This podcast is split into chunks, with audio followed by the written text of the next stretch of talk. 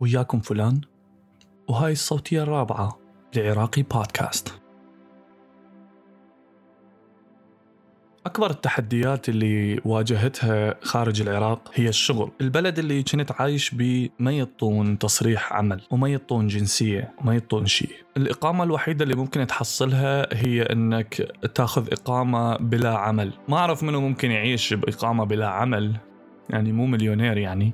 وهاي مشكلة لأن ماكو أحد يقدر يعيش بمكان بدون شغل أو بدون مصدر دخل وما كان أكو مصدر دخل. فراح تضطر أنك تشتغل من جوا الجوا بدون ما تعرف الحكومة. لأن إذا لزمتك الحكومة وأنت تشتغل بدون أوراق عمل ممكن تترحل إلى العراق أو البلد اللي جاي منه. أبويا كان يشتغل بالكهرباء كان يسوي تمديدات كهربائية كان يسوي مخططات كهربائية وصيانات كهربائية. هواي ناس كان اكو تشتغل بدون أوراق عمل؟ وأني كنت أطلع ويا أبويا للشغل كل عطلة صيفية وكل عطلة بين أسبوع وأسبوع بالمدرسة يعني خميس وجمعة أو جمعة وسبت حسب البلد. كنت أروح وياه من كان عمري سبع سنين. أني كنت أشتغل من كان عمري سبع سنين. وأخويا نفس الشيء. كنا نروح للشغل وهذا الشيء علمني كلش هواي تعلمت كلش هواي عن الحياة وشلون تتعامل ويا الناس وشلون تتعامل ويا الكل وشلون تتعامل ويا المشاكل حتى تحلها شلون تصلح أي شيء. هذا الشيء كلش فادني ولحد هسه دا يفيدني. وظليت أني أشتغل ويا أبويا كل أسبوع وكل عطله صيفية. أنا عمري ما عطلت عطله صيفية. عمري ما رحت عطله صيفية تونست بيها لو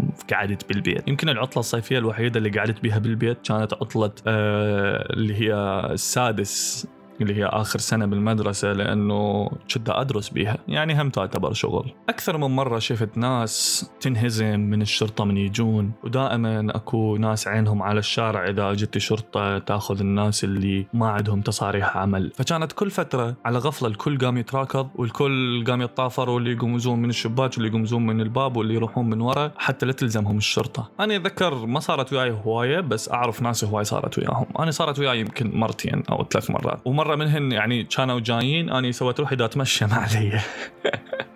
ما دا اشتغل هناك وجاهل ما حيجون يأخذوني. بس أتذكر كان أكو خبر منتشر وكان هذا الخبر عن شخص مات حرفيا مات بمكان كنت أني أشتغل به كان يشتغل بالطابق الرابع وشاف من فوق الشرطة واقفين جوا ودا يصعدون يدورون على الناس اللي تشتغل هناك ويسولوهم على تصاريح عملهم. هو حاول ينزل نزل ركض آه لقاهم ابوجه رجع صعد يركض يركض وبعدين آخر شيء كان دا يقمز للبيت اللي يمه ووقع ومات.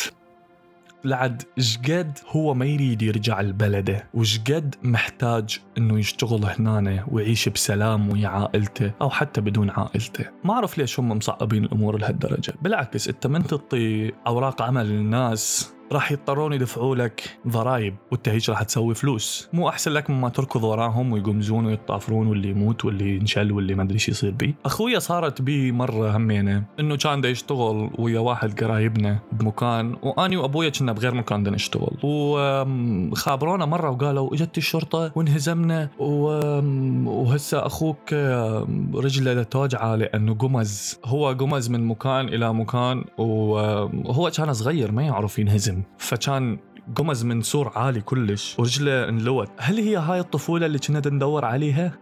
لو هذا السلام اللي كنا عايشين بيه هذا لا سلام ولا طفولة.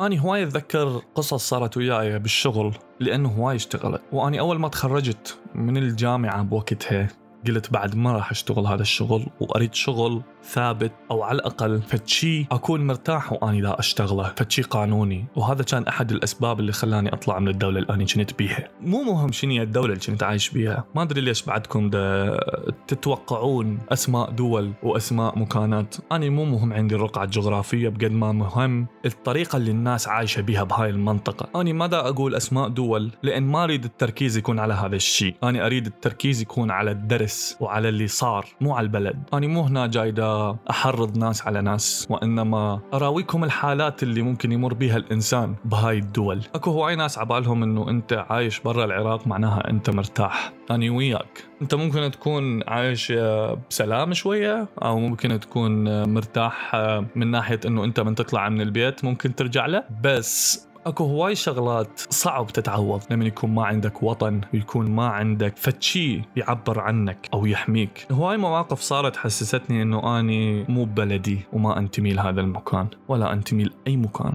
ما أنتمي لبلدي الأصلي لأني عمري ما رحت له وما أنتمي للبلد اللي اني بيه لأن ما يعطيني أي حقوق. لهذا أحس الانتماء لأي وطن راح يكون مقرون بأسلوب حياتك به أو بحقوقك أو بالواجبات اللي لازم تقدمها لهذا المجتمع والوطن وللأسف أني كنت معظم الدول اللي عشت بيها كنت أقدم الواجبات بس ما كنت أتحصل على الحقوق. ما أعرف شنو الحل لهذا الشيء بس أتمنى هذا الشيء ينحل. أنا يمكن لقيت الحقوق شوية في الدول الغربية. يمكن لأنه الكل عنده حقوق بغض النظر إذا أنت جاي قانوني إذا أنت تهريب إذا أنت سيتيزن أو تشيتادينو إذا أنت من نفس المكان تحكي نفس اللغة مو مهم. المهم تعيش كإنسان بسلام وتشتغل وتوصل لطموحاتك ويكون على الأقل عندك طموح أصلا.